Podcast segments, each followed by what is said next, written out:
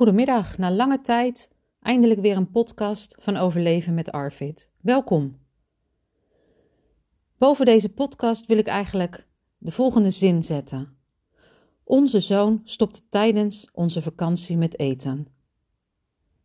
In deze podcast staat namelijk de vraag centraal of je eigenlijk wel op vakantie kunt gaan als je een kind met Arvid hebt of als je zelf Arvid hebt. Van Arvid kun je namelijk geen vakantie nemen. Dat gaat overal mee naartoe. Als er sprake is van een zeer selectief eetpatroon, betekent dat vaak dat ouders het eten van hun kind met Arvid, de zonde of bijvoeding, zelf moeten meenemen op vakantie.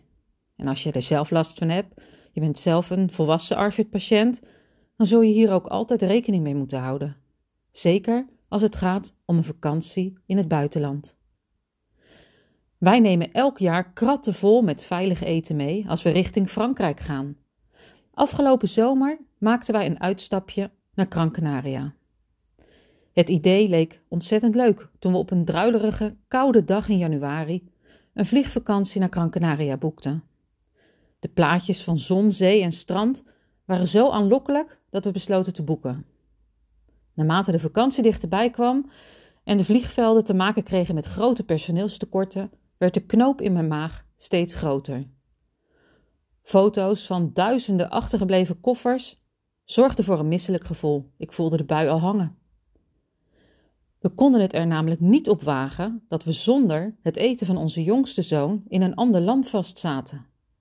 Maar goed, wie A zegt, moet ook B zeggen. Dus we besloten in oplossingen te denken en niet in problemen. We stuurden alvast een doos vol met zijn veilige eten naar het hotel. Een week voor ons vertrek kwam de doos weer retourafzender. En nu? Ik had me één ding voorgenomen. Als ik niet zeker wist dat het eten van onze zoon mee kon, zou ik het vliegtuig niet ingaan met hem. Toch nog maar een keer een doos opgestuurd. En tegelijkertijd hebben we contact gelegd met de douane en de federale, federale politie van Duitsland. We vlogen namelijk vanaf een Duitse luchthaven. En we stelden de vraag of we het eten en drinken, bij wijze van uitzondering, mee mochten nemen als handbagage. Mijn man heeft de blaren op zijn tong gekletst om uit te leggen dat onze zoon Arvid heeft en wat dat precies inhoudt. Vervolgens werd onze kinderarts opgebeld om te controleren of onze vraag wel klopte op ons, en ons verhaal wel klopte. En toen dat het geval was, kregen we toestemming om het eten en drinken van onze zoon als handbagage mee te nemen. Wel werd erbij gezegd dat het uiteindelijke oordeel in handen van de agenten ter plekke lag. Stond hun pet niet goed, dan was het pech. Nou kan je zeggen, de voorpret was compleet verdwenen en we namen ons voor pas weer een vliegtuig te pakken als onze zoon op zijn minst patat en croissantjes of pizza kon eten en iets anders kon drinken. Maar goed, wij dus met een knoop in onze maag op weg naar het vliegveld. We hadden tegen de kinderen gezegd dat we pas zeker wisten of onze vakantie door zou gaan als we langs de douane waren. En toen we uiteindelijk bij de douane waren, begon het. We werden behandeld alsof het terroristen waren en dat de limonade-siroopflessen ingrediënten waren om op het toilet van het vliegtuig snel bommen mee te produceren. We werden apart gezet en gefouilleerd, wat zeer beangstigend was voor onze zoon. De handen van de kinderen werden op drugs getest en de koffers werden helemaal leeggehaald.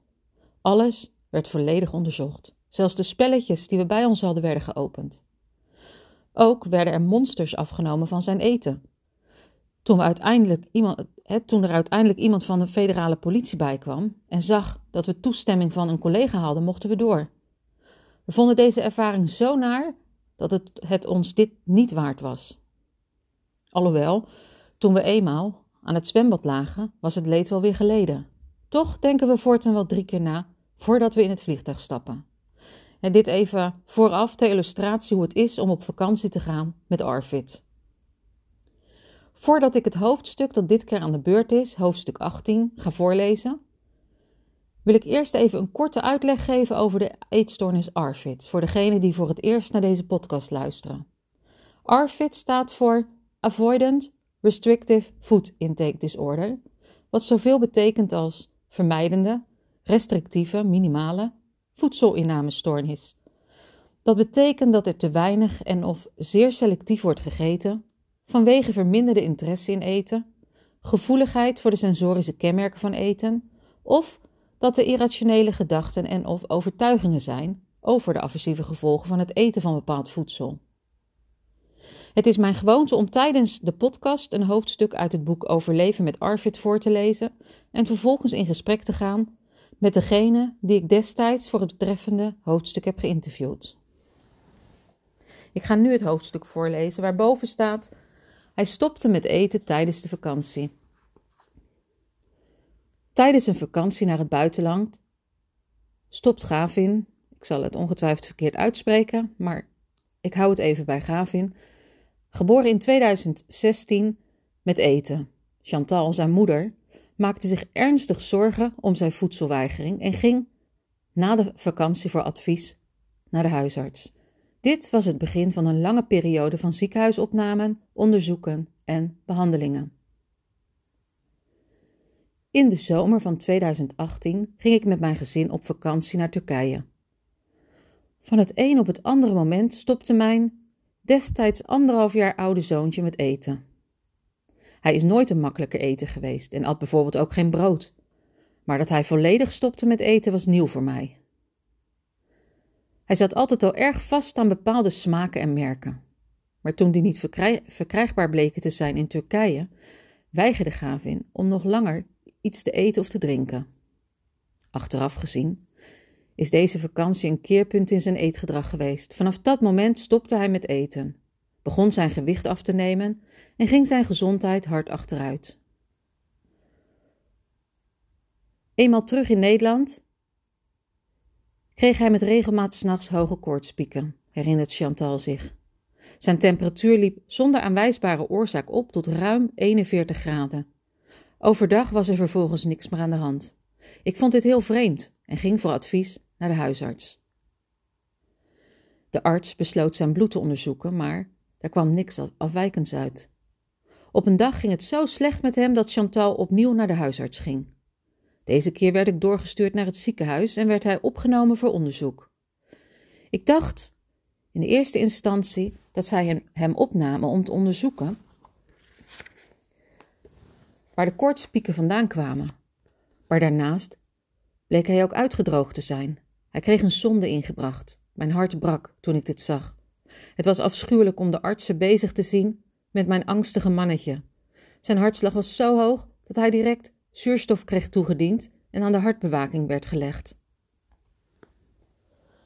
Vanaf het moment dat Gavin in het ziekenhuis werd opgenomen, begon hij dagelijks over te geven. Eerst dachten de artsen dat hij niet tegen de zondevoeding kon en werden er verschillende soorten zondevoeding uitgeprobeerd. Uiteindelijk kreeg hij alleen nog maar bijvoeding toegediend.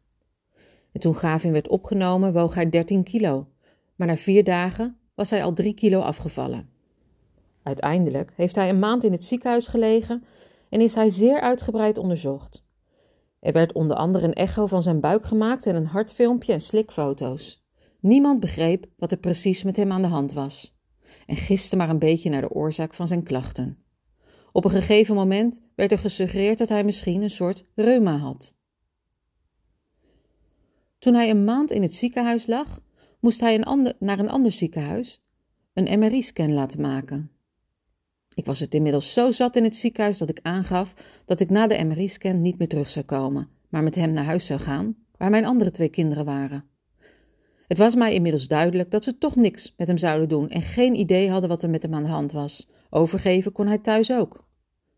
De MRI-scan toonde geen bijzonderheden aan. En na de scan vertrok Chantal met haar zoon naar huis. Hij heeft die avond nog één keer overgegeven, maar daarna was het helemaal over. Later begrepen wij dat hij in het ziekenhuis te veel prikkels had gekregen en dat hij dat uitte door over te geven. Na de langdurige ziekenhuisopname was het eetgedrag van Gavin echter onveranderlijk gebleven en weigerde hij nog steeds om iets te eten. Gelukkig had hij zondevoeding en kreeg hij op deze manier zijn voeding binnen, vertelt Chantal. Maar enkele maanden later moesten we proberen om hem weer op de normale manier te laten eten. Dat gaf hem zoveel stress dat hij opnieuw begon af te vallen. De kinderarts wist niet wat hij hiermee aan moest en stelde voor om een uithongertraject te gaan volgen in het AMC in Amsterdam. Dat ging tegen al mijn gevoelens in. Hij was nog maar twee jaar. Het idee dat ik hem daar alleen achter zou moeten laten, stond mij enorm tegen en ik weigerde om dit traject met hem in te gaan. Volgens de arts was dit het laatste wat hij kon bedenken en kon hij verder niks voor mijn zoon betekenen. De kinderarts opperde als laatste de mogelijkheid om hem naar een speciale kindergroep van Jorneo te laten gaan. Dat is een instantie die meekijkt als er zorgen zijn rondom de ontwikkeling of het gedrag van een kind. Hij ging hier drie dagdagen in de week naartoe en tot mijn verwondering kregen ze het voor elkaar om hem weer wat te laten drinken. En leerde hij kleine stukjes banaan en appel eten. Ook thuis begon hij een appel te eten. Het moest elke keer op dezelfde manier klaargemaakt worden, geschild en in kleine stukjes gesneden. Dat ging goed. Totdat mijn moeder een keer het appeltje voor hem klaarmaakte en een klein stukje schil vergat. Hij kreeg dat stukje schil in zijn mond en sindsdien wil of durft hij geen appel meer te eten. Omdat Chantal het eetgedrag van Gavin zo extreem vond, besloot zij een second opinion aan te vragen bij een kinderziekenhuis. Omdat de vader van hem in de omgeving van Utrecht woont en hij graag bij de afspraken aanwezig wilde zijn, heb ik voor het Wilhelmina Kinderziekenhuis gekozen. Tijdens onze eerste afspraak in het WKZ kregen wij meteen te horen dat Gavin de eetstoornis ARFID heeft. Het was een enorme opluchting dat er eindelijk een verklaring voor zijn afwijkende eetgedrag was. De arts gaf aan dat hij bij zijcentra geholpen zou kunnen worden. Omdat de dichtstbijzijnde kliniek erg ver bij Drenthe vandaan lag, waar ik woon, zou hij bij de vestiging in Malden behandeld kunnen worden, want daar was een logeerhuis voor ouders. Een andere optie was om het eerst nog een tijdje te proberen onder begeleiding van een kinderarts in Emmen. De kinderarts van het WKZ zou dan in nauw contact blijven staan met deze kinderarts en advies geven bij de behandeling. Ik besloot de laatste optie te kiezen, want het was het meest praktisch voor mij als alleenstaande moeder van drie kinderen. Volgens de artsen in, Emma, in Emmen was het eetprobleem van Gavin gedragsmatig. Ze dachten door middel van cognitieve gedragstherapie deze eetstoornis te kunnen behandelen. Omdat hij het eerste kindje met ARFID was dat zij daar onder behandeling kregen, was er totaal geen kennis aanwezig om op de juiste manier met zijn eetstoornis om te gaan. Het leek bijna alsof ze maar niet wilde begrijpen wat ARFID inhield. Ik had constant het gevoel dat ik moest verantwoorden waarom hij zo weinig at. Chantal vond het enorm vermoeiend om keer op keer duidelijk te moeten maken wat ARFID was. Het is zo frustrerend om steeds opnieuw uit te moeten leggen hoe groot de impact van deze eetstoornis is en hoe allesomvattend dit eetprobleem is. Alle therapieën en goede bedoelingen en goede adviezen gaan gewoon niet op voor hem. In de wintermaanden heeft Gavin meer last van die hoge koortspieken dan in de zomermaanden. In november 2019 had hij hier zoveel last van dat Chantal naar de huisartsenpost moest met hem. Hij was daarnaast vreselijk aan het overgeven en had erge diarree. Omdat hij door zijn eetstoornis behoorlijk kwetsbaar is, moeten we erg alert zijn op dit soort verschijnselen. Toen ik op de huisartsenpost was, werd ik tot mijn verbazing weer naar huis gestuurd met hem, ondanks mijn uitleg over de eetstoornis die hij heeft en zijn slechte gezondheid, doorliepen ze het vaste protocol en daarin staat dat een kind drie dagen zonder eten en drinken kan. Chantal vertelt dat zij tevergeefs probeerde uit te leggen dat Gavin Arfid heeft en dat het bij hem veel sneller gevaarlijk wordt dan bij andere kinderen. Ik kreeg te horen dat ook kinderen met Arfid drie dagen zonder eten en drinken konden en werd onverrichte zaken weer naar huis gestuurd. Die avond reed ik opnieuw naar de huisartsenpost. Dit keer met een mannetje dat nergens meer op reageerde en nagenoeg in coma was. Gelukkig besefte de dienstdoende arts de ernst van de situatie en werd hij dit keer meteen opgenomen in het ziekenhuis. Hij kreeg meteen zondevoeding toegediend. De kinderarts van dienst wist niet zo goed wat ze met de klachten van Gavin aan moesten en gaf aan dat hij het best het beste een aantal dagen kon blijven totdat onze eigen kinderarts weer dienst had. Aangezien ik inmiddels ervaring had met een zonde, drong ik erop aan dat ik Gavin met zonde mee naar huis zou mogen nemen. Ik had nog bijvoeding thuis en met een paar spuiten om de voeding door zijn zonde te spuiten, kon ik dat thuis prima zelf regelen. Het gaf Chantal enorm veel rust dat hij zondevoeding kreeg. De langdurige zorg om zijn eetgedrag en de stress die dit met zich meebracht, werden me echt te veel.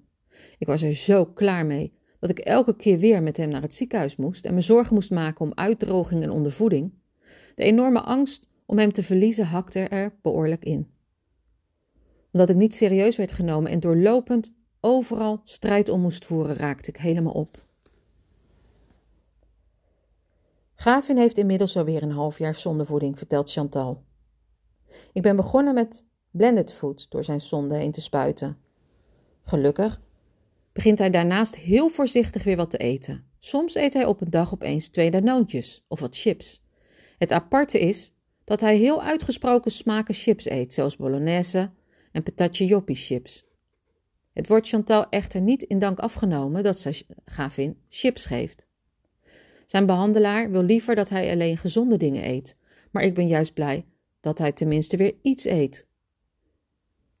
Hij wordt op dit moment door een oudere dame behandeld en zij is van het oude stempel. Ze heeft een lijstje gemaakt waarop staat wat hij moet eten en wanneer. Zoals verwacht eet hij niet wat er op dat lijstje staat. Iets wat ik al van tevoren had aangegeven. Hoe mooi die lijstjes ook zijn.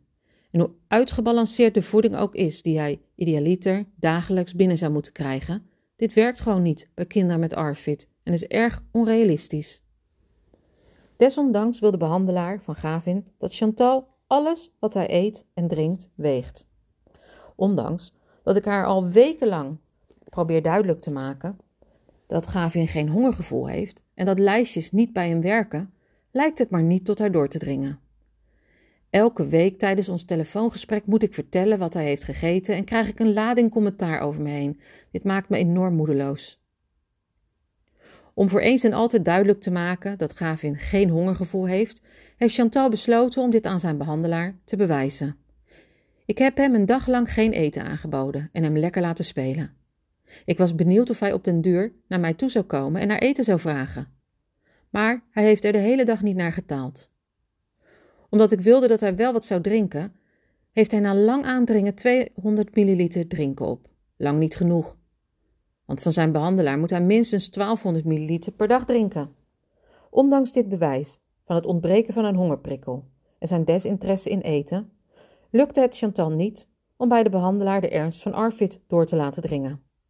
Op dit moment lijkt het mij de beste optie dat Gavin voorlopig nog zondevoeding krijgt, zodat hij zijn eten tenminste nog naar binnen krijgt. Zonder zondevoeding is het wachten tot hij opnieuw zal worden opgenomen. Chantal beseft dat zij er waarschijnlijk niet aan zal kunnen ontkomen dat Gavin op den duur onder behandeling zal moeten bij zijcentra. Maar op dit moment staat het haar nog te veel tegen om hem daar alleen achter te moeten laten. Volgende maand hebben wij weer een afspraak bij de kinderarts. Iets waar ik nu al zenuwachtig voor kan zijn, want ik ben bang dat de kinderarts wil dat de zonde eruit gaat. Hij zit op dit moment keurig op gewicht. Iets waar ik de afgelopen maanden hard voor heb moeten werken. Het maakt mij daarom moedeloos als ik bedenk dat we opnieuw een zware periode met veel zorgen tegemoet zullen gaan als de zondevoeding wordt stopgezet. Ik zou het liefst willen dat Gavin zondevoeding krijgt, totdat hij, met succes, onder behandeling is geweest en volwaardig kan eten. Ik ben erg benieuwd hoe het nu met Chantal gaat en of Gavin inmiddels al wat kan eten of dat hij onder behandeling is geweest bij zijcentra. Want het is alweer zo'n 2,5 jaar geleden dat ik haar sprak. Maar helaas krijg ik haar niet te pakken. Ik heb diverse mails gestuurd, maar ik denk dat mijn uh, administratie niet helemaal klopt en ik niet het goede mailadres heb. Maar in plaats daarvan heb ik een oproep gedaan in de besloten Facebookgroep van Arvid te lijf. En was er een moeder die ook wel even over het onderwerp vakantie en Arvid met mij wil praten. Dus ik bel haar op. Want zij heeft een een-eigen tweeling die allebei Arvid hebben. Maar omdat het een uh, telefonisch gesprek is, kan de geluidskwaliteit wat slechter zijn. Um, zelf merk ik dat als ik het geluid iets harder zet, dat het wel verstaanbaar is. Dus ik hoop dat het bij jullie ook helpt om het gesprek toch nog goed te kunnen volgen. Dus ik ga nu met haar uh, in gesprek.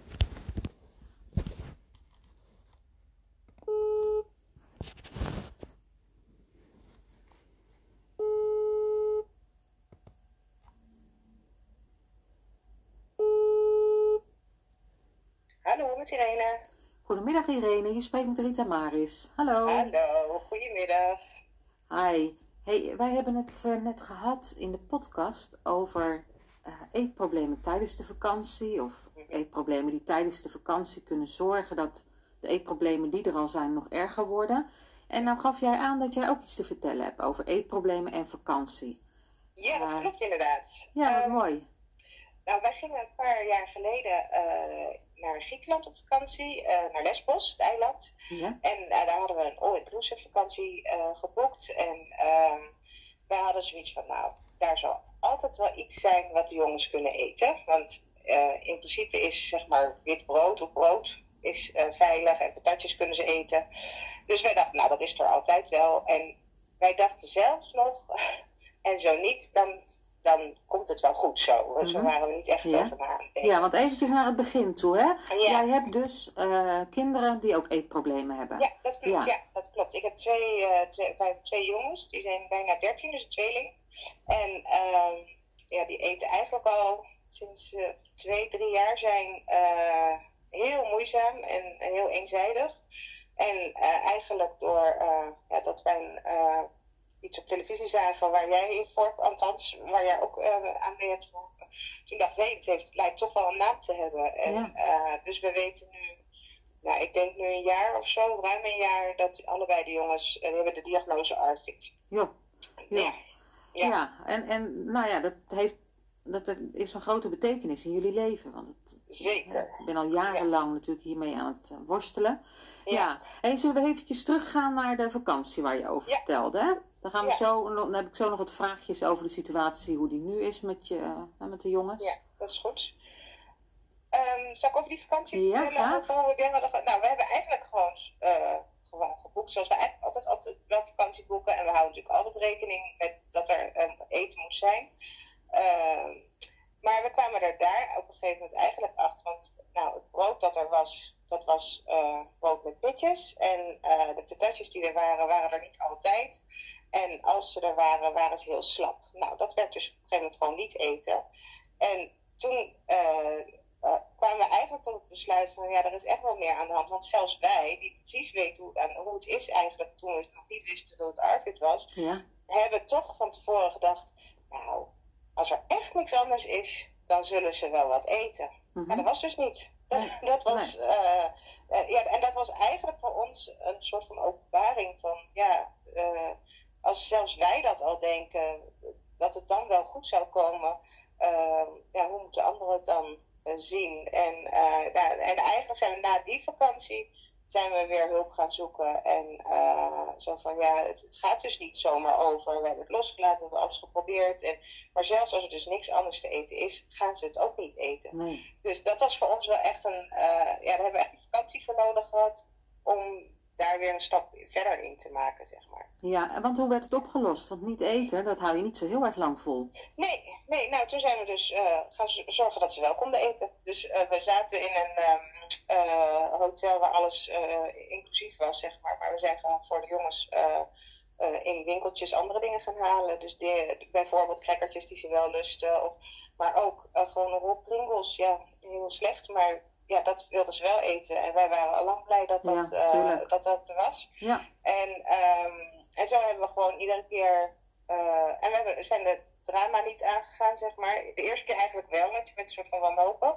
Dus je, je denkt van ja, maar jongens, dit, kan, dit kunnen jullie ook eten. En uh, nou, een van de twee was echt helemaal in paniek. En toen hebben we. Dus dat is een beetje geëscaleerd op die dag, omdat je toch denkt, ja, kom op, het, ja, eet het nou gewoon. Mhm, maar dat, ja, ja, dat werkte dus niet. En uh, toen zijn we uh, eigenlijk, dit, dat was denk, ik denk dat we drie dagen zo'n acclimatiseren, om te acclimatiseren hadden. En toen is het een beetje geëscaleerd met een van de jongens. En daarna zijn we gewoon andere oplossingen gaan uh, ja. zoeken. Ja, en, en gelukkig, ja, precies. Gelukkig was dat er, hè? Want ja, eventjes, ja. Het, is, het is niet het geval en, en we kunnen natuurlijk gaan doemdenken. Maar wat denk je zelf wat er gebeurd was als jullie dus geen andere optie hadden gehad? Ja, nou eigenlijk weet ik het niet zo goed. Want um, uh, het is inderdaad niet aan de orde geweest, maar het was ook niet zo gegaan dat, dat er dan uh, enge dingen gegeten zouden zijn. Nee. Dus uh, ik denk echt dat het, dat, dat, ja, dat het niet goed gegaan zou zijn. Maar ja, dat is dus niet Gelukkig gebeurd. niet, nee. Ja, nee, precies. En ze hebben wel een aantal eh, dingen van, eh, van die ja, voorverpakte toast eh, dingen, die heb je eigenlijk altijd overal wel. En dat vinden ze allebei, dat, ja, dat eten ze allebei wel. Ja, ja. Dus er was, er was wel een oplossing. En, eh, maar eh, als, het, als dat er niet geweest zou zijn, dan had ik het niet geweten, denk ik. Nee. Dan, nee. Nou ja, het verhaal wat dus deze week aan de orde is, het hoofdstuk wat ik nu deel, Mhm. daar gaat het dus inderdaad wel over een, een kind dat echt niks anders kon eten en wat Oh. daardoor in het ziekenhuis terecht kwam. En vanaf dat moment, moment werden de problemen zo groot ja, dat er uiteindelijk ook ARVID gediagnosticeerd werd. Ja. Ja, ja en, en ik heb zelf ook net even gedeeld hoe dat in onze situatie zou zijn. Onze zoon eet natuurlijk alleen overritpotjes. Nou ja, Ja. hè, dat is altijd spannend als je gaat vliegen of die potjes niet breken. En Ja, dan kun je ze absoluut niet meer eten. En er is Ja. ook echt niks anders. Dus dan zou dat onherroepelijk toch het ziekenhuis worden. Ja. Dus zo, ja. En is dat dan ook een reden om niet op vakantie te gaan? Nou ja, wij hebben het afgelopen jaar wel, hè, zijn we wel gewoon op vakantie gegaan. Maar je vraagt je echt af, is dit het allemaal waard? Zoveel stress, zoveel spanning, maak je zoveel zorgen. Dat ik persoonlijk zoiets heb, laat mij maar thuis. Ja, maar je bent nog met meer mensen binnen een gezin. Dus je ja, moet hier met elkaar een beetje in eh, wikken en wegen wat nu eh, het zwaarst weegt. Maar voor mij wegen, wegen eigenlijk de zorgen het zwaarst. Maar omdat je meerdere kinderen binnen een gezin hebt, kun je natuurlijk niet altijd... eh, nee, voor daarvoor die, kant, die kant kiezen. Ja. Ja, nou, wat, wat, wat ik gewoon, het, en daarom reageerde ik ook op die oproep.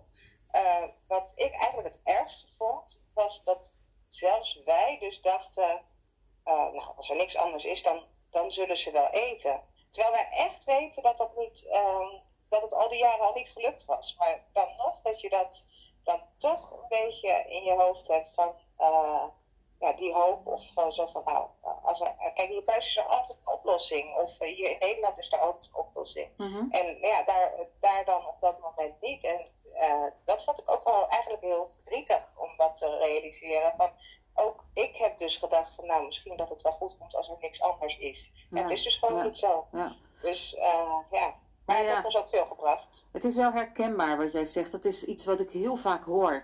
Gewoon uithongeren, dan gaan ze vanzelf weer eten. Ja, ja. Ja, maar dat, maar dat, ze maar een weekje hier, dan Precies. eten ze wel. Ja. Ja, nee, Ja. Het is logisch, want jij zegt zelf ook dat ergens diep van binnen had jij het idee, als er echt niks anders is, zouden ze het dan echt niet eten. Hè, dus je zal dit herkennen. Alleen, eh, ik heb eh, de laatste tijd regelmatig met mensen gesproken die uit eh, bijvoorbeeld Oekraïne gevlucht zijn. Deze Ja. kinderen hadden daar ook al selectief eetgedrag. En die komen in een land waar zij niet het eten kunnen krijgen wat ze daar gewend waren te eten. Ja, en dan, dan zitten ze in Oh, opvangcentra en dan kunnen ze zich niet verstaanbaar maken. Dus Ja. dan word, word ik opgebeld door een tolk. Of ik wil helpen met het- uitleggen om welke Mhm. problemen het gaat. Dus dat het niet enkel om hè, eh, dat ze getraumatiseerd eh, gaat, maar dat het er ook om gaat dat ze dit daarvoor al hadden. en dat het nu ja. extra erg is geworden in deze omstandigheden. Ja, maar, maar dat laat ook wel zien hoe erg de situatie ook is. Hè? Want Ja. deze mensen die hebben enorm veel leed meegemaakt. En dat Ja. zij dan in zulke omstandigheden zitten, dat is nog steeds geen trigger om dan maar te gaan eten. Nee, dat blijft Nee. dus. Nee. Nee. Nou ja, dat is ook het grote misverstand. En daarom is het ook zo fijn dat er steeds meer over bekend wordt. Het is niet een kwestie van willen. En inmiddels zeg ik ook tegen mensen, als, als het nodig is, van als het een kwestie van willen was geweest, dan hadden ze wel, dan was het al opgelost geweest. Ja. Het is geen kwestie van willen. Nee. En eh, ze willen niks liever. Ze willen het het liefst ook alles willen eten. Ja, Maar, precies. eh, maar eh, dat is ja, helaas is dat. Nee, want als je even terugkijkt naar de vakantie, hè, daar zullen die jongens ook naar uit hebben gezien. Ja. Dus het is echt niet dat ze dit gaan doen om hun vader en moeder Nee. even lekker te pesten. Nee, nee zeker. Ja, Nee. Ze hebben alleen zichzelf eigenlijk er- ermee. Ik bedoel, Ja. eh, nee, nee, natuurlijk niet. Nee, dat zo werkt het niet. Hey, en, en ja, het is eigenlijk voor het eerst dat ik iemand spreek die een tweeling heeft, die exact hetzelfde heeft. Ja. Eh, heb je daar een verklaring voor? Zijn ze een-eiig of eh, is er iets? Eh, ja, ze zijn een-eiig. Alleen, ik weet, ik, we we weten het niet zo heel goed. Een van de twee heeft, toen hij twee was, een moment van bijna, nou, heel, heel ernstig verslikken gehad. Dus bijna stikkervaring. Oh, joh. En ehm, we denken dat het daarna begonnen is met minder goed eten, zeg maar. Mhm. En uh, in onze beleving is het op een gegeven moment, ja, als, in de, als we een jaar of twee zijn, dan krijg je de fase dat, je, dat ze sowieso niet willen eten, Ja, dat precies. uh, moeilijk uh, gaat op. En wij zeggen ze, ja, daar zijn ze in blijven hangen, want daarvoor hebben ze alles gegeten. Mhm. En daarbij heeft Stijn dus die ervaring gehad. En ehm, het lijkt erop dat Thijs is gaan meedoen Mhm. met het moeilijk eten. Maar dus dat het meer kopieergedrag is. Maar dat weten we niet zeker. Dus Nee. het, het kan ook zijn dat het gewoon echt alle, in allebei zit. Want de, de problematiek is gewoon identiek. Mhm. En, ehm, maar we hebben zelf gezegd, ja, opvoedkundig gezien, eh, van, ja, doordat we Stijn lieten zo van, en niet aandrongen, en eh, vonden we ook niet dat we de, dat we Thijs wel konden doen. Dus misschien dat, dat, ja, dat het ook daarin gegroeid is, maar dat weten we dus niet. Nee, precies. Je bent jezelf als ouder natuurlijk altijd aan het afvragen: wat eh, heb ik Ja. hier een verkeerde afslag ingenomen? Had ik Ja. het niet zus of zo moeten doen? En wat ik zelf hier ook heb gezien. eh, onze dochter die scheelt maar een jaar met onze jongste zoon. En zij was er ook bij bij al die situaties dat hij bijna dreigde te stikken. En de paniek Ja. die er ontstond. Als hij weer Ja. blauw aanliep. Oh, En ik, ik weet nog dat ik haar als een balletje opgerold achter de bank vond. Met de handen Oh. op de oren. Weet je, dus... Oh, En dan gaat dat... Ja, zij is heel... Precies, zij is heel lang bang geweest voor eh, voedsel. En vast voedsel. Dus die is ook heel lang in de potjes blijven hangen. En het is eigenlijk ook nooit echt goed gekomen met haar eten. Dus ik denk ook dat het, en vooral ook met een een-eigen tweeling, dat ze toch hè, dat kopiëren. Maar het is puur omdat ze ook nog trauma's te verwerken hebben, vermoedelijk. Want hij heeft dit ook gezien, denk ik.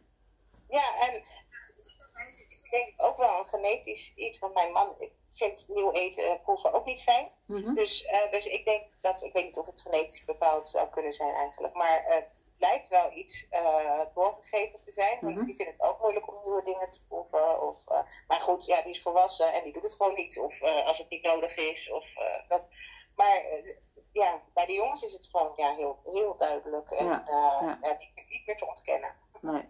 Hey, moeilijk hè, ook als ouder, om hier elke keer eh, mee te moeten leven. hè? Want jij zegt ook, het komt in ieder geval dan niet bij jou vandaan. Het maakt ook niet uit waar het vandaan komt. Nee, maar nee. het, eh, meer, meer om even aan te geven, je, je houdt misschien ook van lekker eten. Eten is geen probleem, je kan ervan genieten. Alleen, dat het wordt wel Nee, heel dat- erg moeilijk met, met ja, Alle, ja, ons hele eh, ons, eh, eh, tafelritueel is er niet. Nee. Maar. En, en dat, dat vind ik wel heel jammer. Ja, wij hebben geen, wij, eigenlijk eten wij niet eens aan tafel. eh, want ja, de jongens eten iets anders. En eh, daarbij hebben zij allebei ook nog eh misofonie. Dus de geluidjes van eten vinden ze vreselijk. Dus ze kunnen ook niet eh, wat ze lekker vinden, kunnen ze ook niet echt genieten met elkaar tegelijk. Want dan horen ze elkaar kauwen. Dus dat is wel een beetje een andere problematiek. Maar dat speelt ook mee. Dus wij hebben niet een gezellig uh, gezet eh, eh, avond. Nee. Hey, eventjes tussendoor, hè? af en toe val je weg. Eh, heb je een idee hoe dat kan? Nee, want ik zit stil. Oh, je zit stil. Oh, Oké. Nee, nee, maar dan is het wat lastig, Lastig. naluisteren voor de mensen.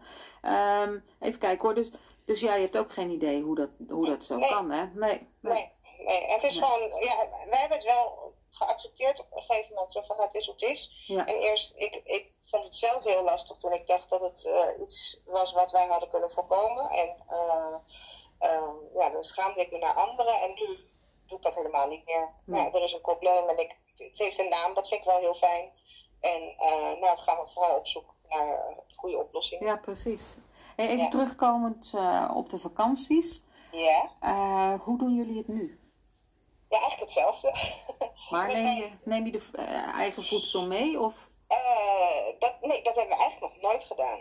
Dus we gaan er toch eigenlijk altijd wel vanuit dat er iets te vinden is eh, wat wel goed gaat. Mhm. En eh, afgelopen vakantie waren we ook weer in, in Griekenland en toen hebben we. ehm, eh, bij, ja, als wij dan gewoon gingen eh, avondeten, mochten zij eh, frietjes halen. En dat waren de goede, dus dat was ook heel fijn. Ah. En pita's bijvoorbeeld durven ze ook te eten. Dus dat is, eh, ja, dat is, het is niet gezond allemaal en het is heel eenzijdig en het is elke dag hetzelfde. Maar ze konden wel eten. Maar ze vinden het zelf ook vervelend. Want ze Mhm. zeggen zelf ook van ja, nu zitten jullie heel lekker te eten. En eh, ik zeg ja, dat mag jij ook. Maar dat lukt niet. En, eh, maar we hebben nog nooit iets meegenomen Oké. Hey, en is er hulp onderweg? Heb je het, Ja. ja? Kan je er iets Ja. over vertellen? Ja, er is zeker hulp. een van de twee jongens heeft sinds september, denk ik, therapie. bij, ja, dat heet hier Joes, ik weet niet, het is mhm, gewoon ja. een jeugdpsychiatrie is het. En die gaat af en toe ineens dingen proeven. Oh, wat mooi. En ik heb het nooit geloofd dat het kan. Maar uh, het, ja, ik, we zijn nog lang niet. Het is stap 1 op een stap van, uh, trap van 100 treden, denk ik. Mhm. Maar uh, ik zie verschil, want Stijn krijgt dus de therapie en maakt echt wel daarin stapjes. En Thijs durft nog niet. Dus het is ook heel goed te zien dat de therapie bij Stijn in ieder geval lijkt te gaan werken. Het zal langdurig zijn. En hij vindt het ook niet leuk. En hij zegt ook, ja, maar dat heb ik al geproefd. Dus dat hoef ik niet meer te proeven. Maar ik zeg ja, maar uiteindelijk was het doel uh, wat meer gevarieerd gaan proberen te eten. Ja, oh, ja. Nou, dus dat. Uh, uh, maar ja, zo vast als we een half jaar geleden nog zaten, zo losser wordt het nu. Maar niet dat er meer gegeten wordt, maar er wordt af en toe een hapje geproefd. Oké. Dus dat is absoluut ja, hoopvol. een ja. hoopvol. ja, mooi. Ja. Mooi. Ja. Hey, dankjewel dat je je verhaal wilde delen ja, altijd fijn. Ik vind het fijn dat er uh, meer aandacht voor is en dat het uh, bekender gaat worden. Dus, dat als ik daarmee kan helpen, dan doe ik dat graag. Nou, bedankt. Fijne dag verder. Gedaan. Oké, okay, dag hoor. Dag.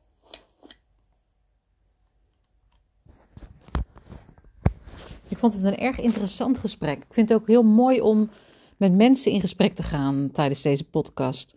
Dus als jij nou ook ergens over wil uh, meepraten, hè, met mij in gesprek wil gaan tijdens een podcast, stuur dan gerust even een mailtje naar overleven met arvid.solcon.nl. En solcon is met een N aan het einde. Hiermee zijn we aan het einde gekomen van deze podcast. En als er vragen zijn aan de hand van deze podcast, kun je die dus mailen naar het mailadres dat ik net ook noemde, overleven. Je kunt je vragen ook stellen in de besloten Facebookgroep van Overleven met Arvid. In deze groep zitten inmiddels 2500 zorgprofessionals op het gebied van Arvid, ouders van kinderen met Arvid, pubers en volwassenen met Arvid. Tot slot wil ik iedereen die privé, als leerkracht op school of als zorgverlener te maken heeft met kinderen met ernstige eetproblemen en meer te weten willen komen over Arvid, aanraden de boeken Overleven met Arvid en Thijs Lust geen ijs te lezen en het nieuwste boek Arvid te lijf.